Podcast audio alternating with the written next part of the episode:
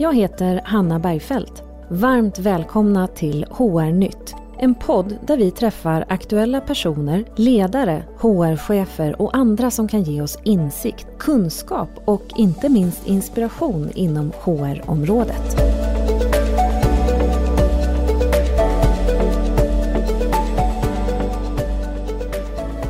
I dagens avsnitt ska vi prata om fackets roll nu och i framtiden. Och med mig har jag Maria Elinder, tidigare biträdande förhandlingschef på Främja. Hon har jobbat som arbetsrättsexpert, förhandlingschef och hon har erfarenhet av flera av våra stora förbund, både på arbetstagar och arbetsgivarsidan. Varmt välkommen Maria! Stort tack! Vad kul att just du är här! Ja, men ja. det känns ju jättespännande. Ja, vad roligt. Men du, kan du inte berätta om dina erfarenheter? Vad, vad har du gjort och vad är det som gör att du har fastnat i den här världen, om man så säger? Ja.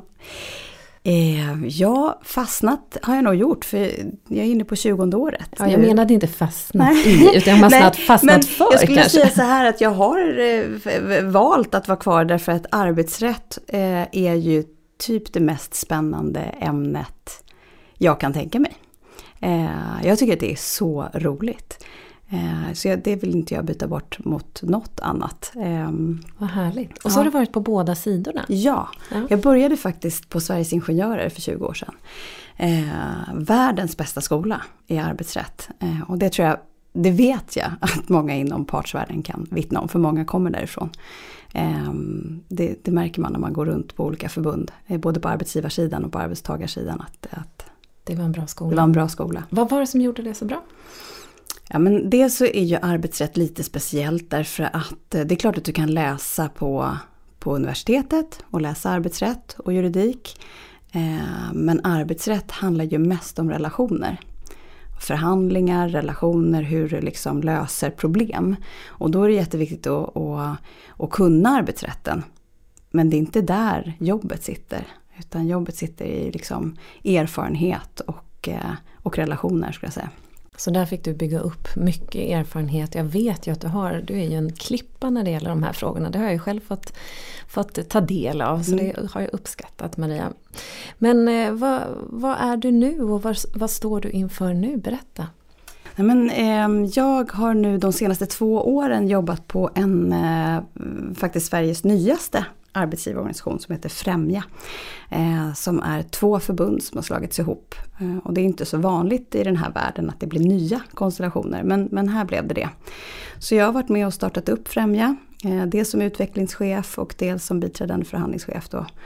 Eh, och Eh, ja, bara försökte få ihop, det är som en eh, startup, du vet. Man bara eh, får ihop avtal och eh, ja, jobbar med förhandlingar och får ihop alla medlemmar. Och, och ja, nej, men det har varit superspännande, verkligen. Men nu har jag precis sagt upp mig. Mm -hmm. Eller jag har precis slutat eh, och kommer att starta, eller har startat eget och kommer eh, jobba med arbetsrätt. Så spännande. Ja. Vad roligt, då får du göra ännu mer av det som du älskar ja. och brinner för då, ja. tänker jag. Och vad skulle kunna vara en typisk kund för dig? Nej men jag har ju upptäckt att det finns ett litet glapp. Eh, som jag upplever det. Eh, det finns, eh, jag har jobbat på arbetsgivarorganisationer inom Almega och Svenskt Näringsliv och Främja då. Eh, och det jag upplever är att våra medlemsföretag har ett jättestort behov av att få hjälp hands-on. Alltså man vill gärna ha hjälp att skriva protokoll, man kanske vill ha någon i rummet när man förhandlar. Eh, man vill ha någon att bolla liksom, detaljfrågor med. Och arbetsgivarorganisationerna är ju superproffsiga och har ju världens bästa arbetsrättare.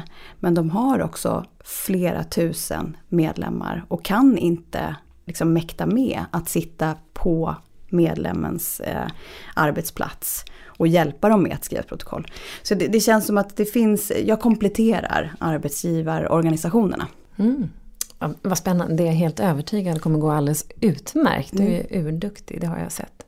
Men du, om vi är tillbaka till det här med fackets roll och temat för dagen. Mm. Vad, vad, är egentligen fackets roll som, som du ser det? Men, eh, om, man, om man bara kortfattat eh, liksom beskriver det från... Eh, för, för, eh, från början ska man säga så här att det vi jobbar med i Sverige, det som kallas svenska modellen eller partsmodellen. Det handlar ju om att vi i Sverige eh, tecknar överenskommelser mellan arbetsgivare och arbetstagare istället för att lagstifta. Alltså vi har ju väldigt många arbetsrättsliga lagar. Men de är ju rätt, eh, liksom, de gäller ju alla, de är ju väldigt generella. Eh, men varje bransch i Sverige, sjukhus, eh, lastbil, transport, liksom, alla de har ju helt olika förutsättningar. Och för att det ska bli så bra regleringar som möjligt så har man ju då anpassat alla de här kollektivavtalen eh, i Sverige.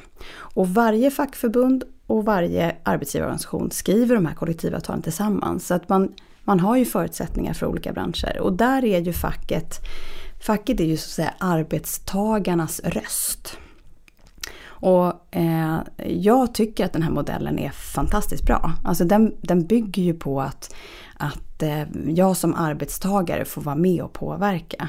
Och jag som arbetsgivare får ett mycket bättre beslutsunderlag om jag ska göra om någonting. Därför att jag pratar med facket och jag först, lyssnar på dem och förstår eh, vad budskapet är så att säga från, från personalen, från medarbetarna.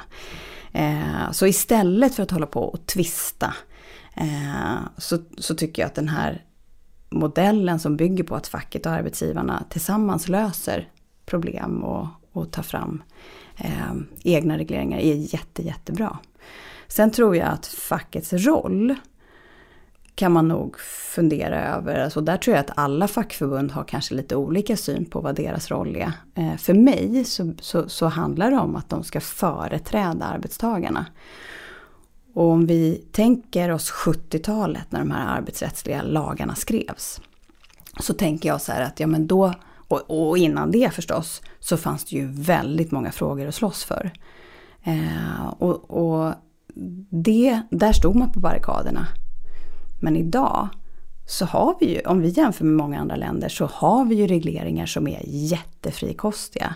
Eh, vi har otroligt bra regleringar. Så fackets roll idag, det skulle jag säga, det är ju mer att, att samverka med arbetsgivaren. Att se till att liksom det vi har är bra, men hur gör vi det bättre? Och hur anpassar vi oss till det här nya arbetslivet?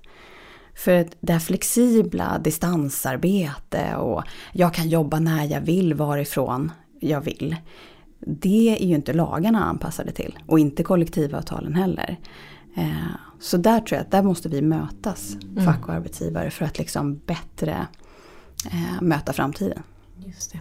Och jag, jag håller med dig om det här med eh, liksom vin av att, att fackets roll ska vara samverkan och, och kanske snarare utveckling. Det är så så som jag ser på det också och, och vill se på det. Men ibland när man är ute i olika bolag och möter olika fackklubbar och så, så kan jag ibland känna att nej, det här är mer motverkan än samverkan och utveckling.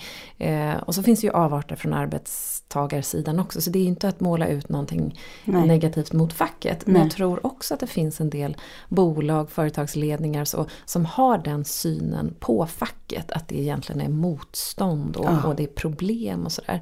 Upplever du samma sak? Ja men absolut. Och vi hade faktiskt en, en tankevecka. För, för jag ska säga så här, i, i min värld, alltså det, i mitt jobb, då då får jag ju bara reda på problemen. Det är ju ingen som ringer till mig och säger så här, Maria du vet, det funkar så bra med våra lokala fackliga. Det, det är bara, det är geschwint och allt går igenom. Eh, utan de ringer ju till mig när, vi har, när de har problem. Vilket gör att min bild av verkligheten har ju varit alltid ganska negativ. Och det är samma på den fackliga sidan. De får ju bara reda på när arbetsgivarna är dåliga eller har gjort fel. Så tillsammans så kan ju vi ha en lite liksom, mer negativ bild av verkligheten. Så vi gjorde faktiskt en enkät på min förra arbetsgivarorganisation tillsammans med ett fackförbund där vi frågade hur fungerar den lokala verksamheten? Och då menar vi om man har en lokal klubb, eh, hur fungerar det arbetet? Och vi tänker liksom att ja, men det kanske blir 2,5 av 5 kanske i bästa fall. Och får tillbaka att det är närmare 4 av 5. Det vill säga att de flesta funkar jättebra. Mm. Och det tror jag att man ska ha med sig. Att på de flesta företag så funkar den lokala verksamheten super. Det är bara det att vi pratar med de här eh, resterande. Och där finns det problem. Och det finns ju olika orsaker till det. eh, i, i, min erfarenhet. Det, det ena är eh, precis som du säger att man, man eh, utgår ifrån att arbetsgivaren är ond eh, eller vill inte medarbetarna väl. Och då tror man att man måste stoppa allt i, i dörren liksom. Eh, sen har jag också upplevt att det är mycket osäkerhet. Och det ska man väl också ha med sig att förtroendevalda personer ute på en arbetsplats kan ju omöjligt ha den arbetsrättsliga kunskapen som någon som jobbar på ett fackförbund. Eh, här är ju någon som ställer upp liksom på fritiden eller deltid av sin arbetstid oftast. Eh, och kanske bara jobbat med frågorna ett, två år och, och har gått på någon kurs. Eh, så det är klart, då kan man ju bli lite osäker och då är det ju lättare att säga nej. Och den tredje eh, tror jag, orsaken som jag har märkt är att förtroendevalda de tar ju på sig ett enormt ansvar. De ska ju stå där inför sina kollegor och säga det var det här vi kom fram till i en förhandling. Och det är klart att det är ju rätt tufft om man sitter i en löneförhandling. Jaha, blev det inte mer, liksom, tycker kollegorna. Och så har man suttit där och slitit i förhandlingar i flera dagar eller veckor. Um, och då har jag liksom, till dem, jag har ju faktiskt utbildat eh, flera hundra förtroendevalda i, vår, i våra utbildningar som vi hade på Sveriges Ingenjörer. Och då, då tror jag att ett av budskapen, viktigaste budskapen var så här, det är inte ert ansvar liksom vad resultatet blir. Utan det ni är där för det är ju att företräda era kollegor och se till att frågorna kommer upp på bordet och att ni får diskutera saker. Sen kan man ju inte vara ansvarig liksom helt ut för resultatet utan det är ju ett förhandlingsresultat. Och sen är det ju faktiskt så att arbetsgivaren leder och fördelar arbetet. Så det är inte så att man är jämbördiga, arbetsgivare och fack. Det är inte så att man bestämmer 50% var. Och det tror jag ibland att vissa både fack och arbetsgivare tror. Mm. Men det är ju så att det är arbetsgivaren som beslutar. Och sen får facket vara med och påverka. Just det. Och det där är så viktigt och så bra aspekter som du tar upp. För jag, jag kan också uppleva ibland, apropå att man har en negativ bild av fackligt eh, samverkan. Så ibland har jag varit på företag som då säger att de inte vill ha ett kollektivavtal därför att de har den där negativa bilden. Mm. Eh, medan man faktiskt i ett bra i, i en bra samverkan mm. med ett kollektivavtal kan få det ganska mycket enklare för då har man ju dialogen hela tiden. Ja. Det behöver inte bli så stort. Nej, Nej alltså där det funkar med lokalt arbete, ja. där är det ju, alltså det är ju ett mervärde. Mm. Du har med dig personalen på beslut som har fått liksom, du har fått valsa runt det och men det vet ju alla att det är klart att jag hellre accepterar ett beslut även om det är dåligt för mig om jag själv ändå har fått prata om det innan det beslutas och få tycka till. Eh, istället för att det kommer liksom slaget i huvudet ovanifrån. Eh, så att jag, jag, tror att, jag tror på svenska modellen, jag tror att det är jättefint. Jag tror bara att vi behöver liksom se till att den anpassas till dagens läge. För om man tänker så här att enligt eh, medbestämmandelagen så ska man ju då förhandla innan man ska göra en förändring. Och det, det vet de flesta. Men om vi tänker då när den här lagen skrevs på 70, slutet av 70-talet. Hur många beslut per dag fattade man då rörande personalen jämfört med idag? Jag tror att det är en jätte, jätteskillnad. Mm. Och jag tror faktiskt att det är så här att om, om en arbetsgivare nu skulle verkligen sätta sig ner och förhandla varenda beslut. Och då brukar jag säga från fruktkorgen till en, en omorganisation och allt däremellan. Då skulle, man skulle inte ens hinna med det om man jobbade 24 timmar om dygnet. Nej, jag, jag, tror att du har helt rätt. Men vad gör man då som arbetsgivare om man kanske har en, en facklig part som, som vill med på varje beslut och, mm. och kanske, eh, kanske att man upplever att, eh, att eh, motparten letar lite fel mm. och kommenterar om man mm. då inte har kallat till förhandling och sådär. Mm. Hur, hur, får man till det här bra samverkansklimatet egentligen mellan parterna? Ja, men ett tror jag är relationsbygge. Det är ju, det är ju liksom A och O i förhandlingar. Eh, att man har en bra relation. Och det är ju supersvårt om man inte litar på varandra eller inte ens tycker om varandra. Eh, som det ju faktiskt kan vara. Men då, min erfarenhet är att det funkar inte annars. Eh, utan du behöver bygga en relation med dina fackliga lokala. Och det kan man ju göra på massa olika sätt. Eh, men jag tänker att det viktigaste är att träffas. Eh, för ju mer man pratar om saker, desto mer litar man på varandra och desto mer förstår man också sammanhanget. Och sen behöver man också förklara eh, att saker och ting kostar. Ehm, att saker, alltså timmar som man lägger på fackligt arbete kostar. Och då menar inte jag att man inte ska göra det. Men man kan inte göra det i absurdum. Och många företag eh, har ju också någon form av medarbetaravtal eller med, ehm, samarbetsavtal. Där man sätter sig ner och bestämmer sig, de här frågorna de förhandlar inte vi. Det räcker med att ni informerar. Och det måste man ju vara överens om. Och då skulle man ju gärna ha det skriftligt också. Så att det, så fort någon slutar så ändras det här. Utan att man skriver ner att på det här företaget så säger vi att vi förhandlar inga chefstillsättningar om det inte är på den här nivån till exempel. Eller vi, vi förhandlar inte eh, vissa, ja, men vissa frågor utan det tar vi i samverkan vi sätter oss i möte en gång i månaden och pratar om det. Det är jättebra förslag. Alltså mm. Det tror jag är väldigt få bolag som har just det som du säger. Mm. Att man har gått igenom vilka frågor förhandlar vi. Eh, eller ens att man har det där samverkansmötet kontinuerligt som Nej. kanske gör att man både bygger relation men också håller en uppdatering om frågor som kanske inte behöver bli så stora utan man bara briefar eh, kontinuerligt helt enkelt. Mm. Det är ett jättebra tips. Mm. Eh, är bolagen duktiga på det här tycker du eller vad är det du ser? Jättesvårt att säga för det är så beroende på många olika saker. Det ena är ju storlek. Jag jobbar ju idag mycket med små föreningar. Där finns det ingen lokal, liksom, lokalt. Och man Eh, jobbar mycket på deltid, man kanske är fritidsordförande eller förälder på ett kooperativt daghem. Ehm, och då, då finns det ju inte den tiden och man har inte den kunskapen, man har bara fått den rollen. Ehm, så där är det ju väldigt mycket liksom, grundläggande kunskap som, som vi eh, har behövt hjälpa till med eh, när jag jobbar på den här arbetsgivarorganisationen. Och svara på sådana frågor. Och där, men stora företag har ju stora HR-avdelningar kanske och där har man mer. Men, men det jag skulle säga kanske eh, Generellt sett så är ju kunskapen om förhandling och arbetsrätt rätt låg. Eh, egentligen eh, överallt. Mm.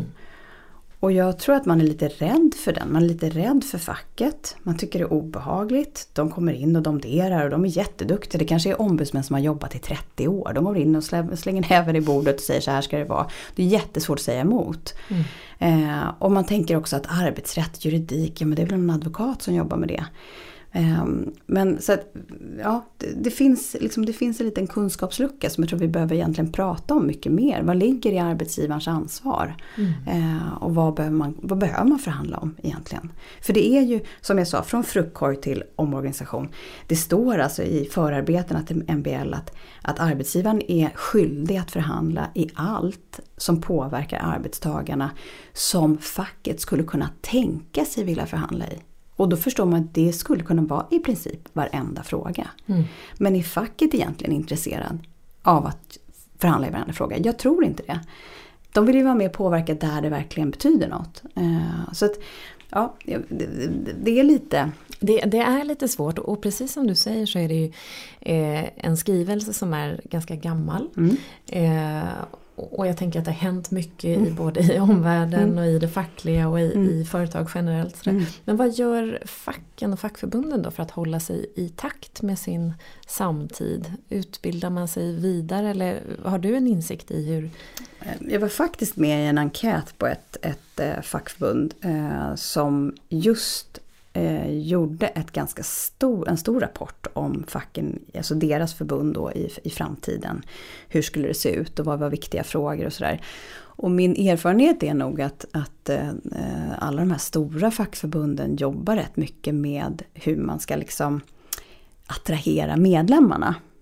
Eh, men eh, jag tror att vi skulle behöva prata mer om vad det betyder i praktiken i typ förhandlingssituation eh, eller tvistelösningar eller hur vi... Nu blir det ju stora förändringar i LAS och, och, det är ju mycket på grund av att det är många frågor som har stötts och blötts i många år.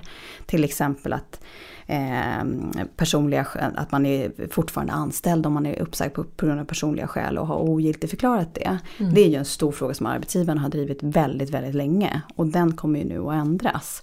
Det, det är ju en bra Ja. ändring tycker jag. För Ja. jag vet att man har gjort abrovinker kring det där som inte har varit särskilt Nej. bra heller. Då, Nej, att och komma drivit runt. upp ut, utköpskostnader och så.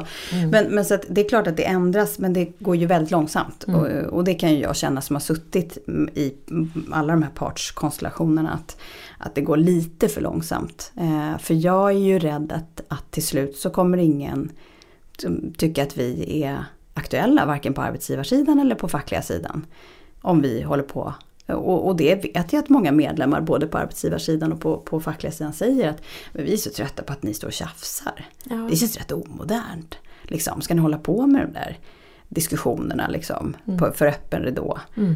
Eh, men samtidigt kan jag också tycka att jag tycker LO har blivit liksom mycket mer Eh, på, I alla fall många delar av LO har ju blivit liksom öppna för lösningar och mer flexibla. Eh, så att, så att jag tycker att det, det är lite beroende på vilket fackförbund du pratar med. Mm. Och, jag, och jag håller med och jag tänker att man, man eh, sitter ju ganska snabbt och reflekterar kring egna erfarenheter man har och, och ofta blir det då vissa fackförbund som man känner att de har nog jobbat ganska strategiskt med att öka kunskapen och kompetensen hos sina lokala företrädare också. Eh, och så märker man andra förbund där man känner att glappet är lite större. Eh, vilket gör att man då kanske där har en större bild av att det är mer är tjafs och motverkan snarare än samverkan och utveckling. Så det tycker jag skulle från ett arbetsgivarperspektiv och, Mm. och som HR så skulle jag verkligen önska att fackförbunden jobbar mer med att utbilda och stötta de lokala eh, företrädarna för Mm. att de ska känna sig trygga. För jag tror Mm. precis som du sa inledningsvis att, Mm. att tryggheten är ofta det som gör att man kanske naglar sig fast vid en fråga Mm. eller man tror att uppdraget handlar om att leta fel snarare Mm. än att, att samverka eller, eller vad det nu kan vara för Mm. någonting. Men eh, härligt att höra att du i alla fall har tilltro till att man eh, jobbar framåt i fack, i den fackliga världen Mm. även, även om det kanske finns en del kvar då. Mm, och, det kan jag nog säga att det är både på arbetsgivarsidan och på arbetstagarsidan så kan, kan jag väl se att, att eh, man skulle kunna vara lite snabbare i utvecklingstakten. Ja. och hänga med sin omvärld. Och, och det märker man ju, jag har ju till exempel jobbat på IT och telekombolagen eh, som nu heter Swetec tror jag. Mm. Ehm, där hade vi ju väldigt moderna företag som liksom jobbade digitalt och, och, och kräver snabb service. Och så, så kunde jag känna att vår service liksom inte alls hängde med i den takten. Och, och då, då blir det ju ett glapp. Eh, och det märker man ju som medlem. Vill man vara med i en organisation som känns mossig? Nej. Och det är samma med fackförbunden. Mm. Att man måste liksom förstå att det, det är ju för medlemmarna som vi jobbar och driver frågor. Mm. Och, och då är det de som ska eh, sätta agendan. Exakt så. Precis så. Och jag tänker att det, ligger ju, det har ju varit arbetstagarens marknad en ganska mm, Mm. bra tid nu. Mm. Så det ligger ju också i arbetsgivarnas intresse att vara en attraktiv arbetsgivare och jobba med personalpolitiska frågor som gör att, att man är attraktiv som, som em, arbetsgivare helt enkelt. Vad, vad, vad ser du att facket kan bidra med i den delen? Kan det vara någonting som man kanske kunde jobba mer med tillsammans eller är det... Ja men det är dit jag skulle vilja komma. Mm. Jag tycker det är precis det eh, som, som, eh, som är min önskan. Att man liksom, i, i fackförbunden skulle titta på, men vad är det också företagen vill ha? Alltså hur kan vi, ehm, och, och då har man ju jobbat till exempel med kompetensutvecklingsfrågan. Eh, mycket och den kom ju också i den här hela nya eh, LAS-frågan så blir det ju nya omställningsregler där det också handlar om att man kan utbilda sig på arbetstid till exempel. Eh, som kommer i höst. Och, och det är klart att eh, jag kan tycka att, att det är klart, facken har ju medarbetarna som de ska företräda medarbetarna men samtidigt om man, om man inte tänker på hur företaget går så finns det ju inget företag för medarbetarna att gå till. Och det är där jag ibland känner att vi inte riktigt når fram till varandra. Att, att som, som arbetsgivare så behöver jag ju se till att medarbetarna mår så bra som möjligt och då kommer ju företaget i sig gå bättre. Men samma sak för medarbetarna. Hur ser jag som medarbetare till, eller som fackförbund, att mitt företag går liksom absolut bäst? Eller vad kan jag göra? Och det gäller ju fackförbunden också. Mm. Så ibland, jag har ju suttit i sådana förhandlingar när jag precis som du säger känt att nu är det ju bara eh, liksom häl i backen på varenda fråga. Varför det? Vad ska det leda till liksom?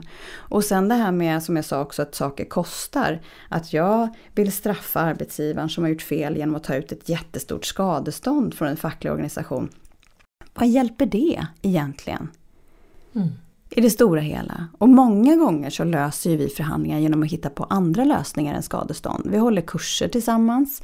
Jättevanligt att jag och mina fackliga motparter eller medparter då, kanske om det har varit ett MBL-brott, man har inte förhandlat inför en förändring.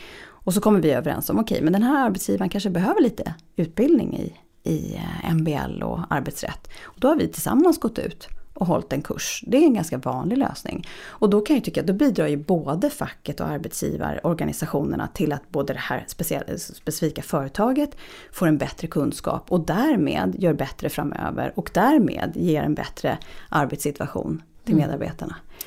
Jätte, jättebra exempel tycker jag. Och jag har själv suttit i några förhandlingar där det är verkligen hällarna i backen på varenda fråga. Och jag kan, kan erkänna att jag har blivit provocerad, jag har inte varit mitt bästa jag och jag har inte varit så vän i alla gånger heller. Eh, så det, det, kan ju lätt bli låsta positioner. Mm. För man är ju trots allt människor i ett sånt rum som, mm. som någonstans tar tålamodet slut. Liksom. Ja. Och det, det, kommer ju från båda parter, det spelar ingen roll om det är arbetsgivare eller arbetstagare. Men vad, vad tänker du som har suttit så mycket förhandlingar och vad är bästa tipset när det har blivit en låsning? Hur kommer man runt det? Eller hur, hur löser man en sån situation? Ja, men till exempel eh, är man med i en arbetsgivarorganisation och man känner att en lokal eh, fråga eller en lokal relation inte fungerar, då skulle jag ta kontakt med min arbetsgivarorganisation. För då kan man få hjälp och sätta sig i eh, samtal. Ibland står det till och med i kollektivavtal, gäller det lönefrågor så kan det till och med vara inskrivet att om man inte kommer vidare så ska man kontakta de centrala parterna och sätta sig. Och då kan man ju få, när man får andra personer vid bordet, då är det svårare att hålla liksom kvar i den här sur diskussionen. Då vill man ju ofta kanske vara, låta lite mer professionell. Eh, sen mitt liksom vanliga tips i en förhandling det är ju att ajournera, att, att ta en paus i förhandlingen. För att men det är klart att jag också har varit provocerad, även om jag har varit där i min profession. Så kan, har jag ju liksom också tappat besinningen några gånger och det känns ju aldrig bra. Eh, men sen är det lättare för mig för jag är ju där utan relationer till någon så att jag har ibland klappat folk på låret eller tagit tag i någon axel på arbetsgivarsidan och sagt att nu, nu, nu dämpar vi ner oss eller nu så liksom för att, för att se till att den här, vi går inte in på det här spåret för det leder ingenstans. Men sitter man själv, då skulle jag säga så här, men då är det bättre att man aktionerar, att man säger så här, du nu, nu känner vi väl båda att det här, det ger ingenting idag. Eh, utan vi hittar en tid i eftermiddag eller imorgon eller, och så fortsätter vi. Och så får man gå hem och liksom backa bandet. Men, men jag tror att det absolut viktigaste i en förhandling, det handlar ju hela tiden om att se vad, vad, vad är det min motpart är ute efter? Vad vill de?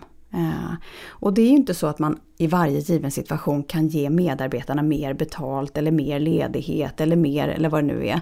För allting kostar ju företaget pengar. Men vad är det man vill göra i den här givna situationen? Vad skulle kunna vara något som man skulle kunna hitta? Och jag har ett, så här otroligt fin eh, eh, ett exempel från en av mina gamla kollegor som hade, var ute och förhandla där det verkligen hade låst sig. Alltså. Det hade låst sig och jag kommer inte ens vad frågan var men det var nog liksom en liten fråga och den hade låst sig. Och så visar det liksom sig i slutändan att det som var grunden till den här irritationen var att man inte hade fått sina innebandyoveraller med tryck på. Och när man liksom förstod det och kunde ta fram det så löste man hela situationen. Och det är liksom, ibland så är det så enkelt. Mm. Och ibland är det Ja. Ibland är det innebandyoverallen ja. som måste på plats helt mm, enkelt. Exakt. Nej, men, och jag, jag förstår det och det är ju ja, det, det, är ju lätt att dra paralleller till andra konflikter man har haft i livet när, när man nästan glömmer bort vad handlade det om från mm. början. Mm. Att gå tillbaka till mm. kärnan och se kan vi faktiskt reda ut det. Mm. Eh, och jag kan också uppleva ibland att vissa förhandlingar man har varit i så blir det nästan en pingpongmatch i formalia och i mm. paragrafer mm. och sådär. Och vad skulle du tipsa om, om om jag nu var lite ny HR-chef, jag inte, mm. eller kanske inte HR-chef, kan ju vara vilken roll som helst. Mm. Men som då ska komma till en förhandling då kan man bli lite mm. nervös. Mm. Eh, man kan känna att det låter lite högtravande, mm. det är lite formalia krav och sådär. Mm. Hur förbereder man sig på bästa sätt när man är ny i de här situationerna? Eh, säger jag igen då, om man är med i en arbetsgivarorganisation så ringer man och bollar först. Och det är inte timmen innan, utan med lite tids liksom, marginal. Det är så skönt och jag upplever att många har liksom landat, andats ut. Jaha, men gud var det inte mer? För många ringer ibland och tänker så här, vilken paragraf var det nu då vi skulle säga? Var den 13 eller var den 10 eller var den 11? Och då brukar jag säga så här, men du hörni, det spelar ingen roll. Det du ska göra är att du, du mejlar till din motpart och säger där vi, vi kommer göra en förändring och innan den här förändringen så skulle vi vilja förhandla.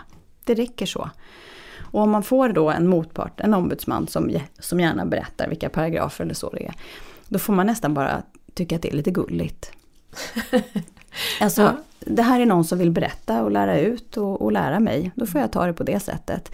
Men det viktigaste är, och det, och, det är ju ett budskap som jag tror många inte riktigt har uppfattat. Och det är att du, ni behöver ju inte vara överens i en MBL-förhandling.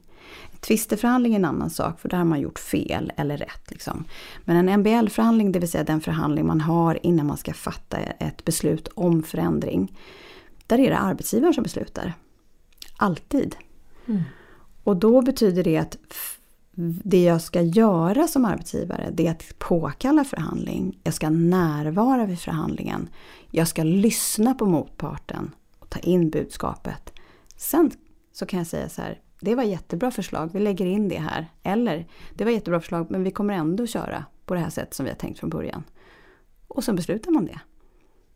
Och det som ska stå i protokollet är inte att man är överens. Det är inte det viktiga. Det får, det får man bestämma mellan varandra vad som ska stå där. Men det viktigaste är att det står att man har fullgjort sin förhandlingsskyldighet.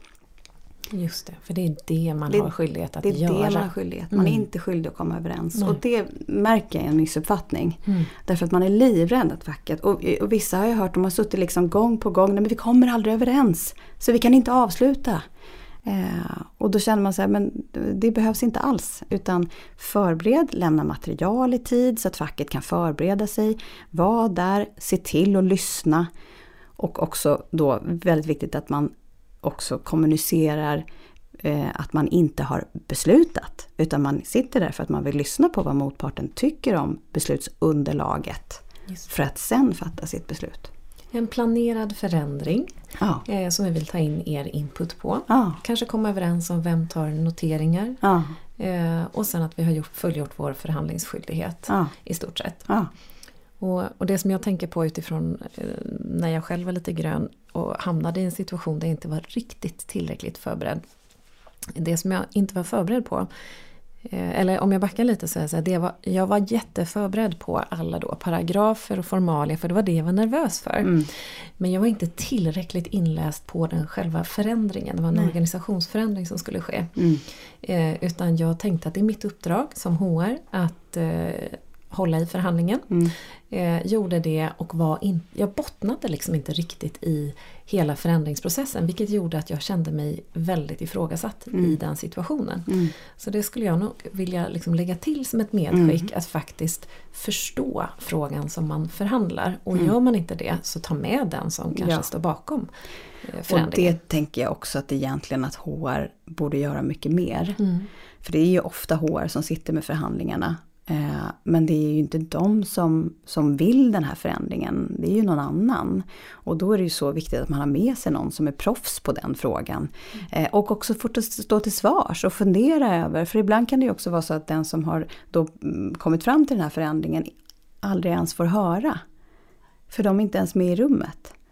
Eh, så jag tänker också att det, jag skulle verkligen rekommendera att man tar med sig någon som är insatt i det där. För det ska egentligen inte HR behöva, liksom, de, det går ju ändå inte att sätta sig in i ett punkt och pricka på varenda detalj eh, som kan komma upp. Nej, inte alltid i alla fall. Nej.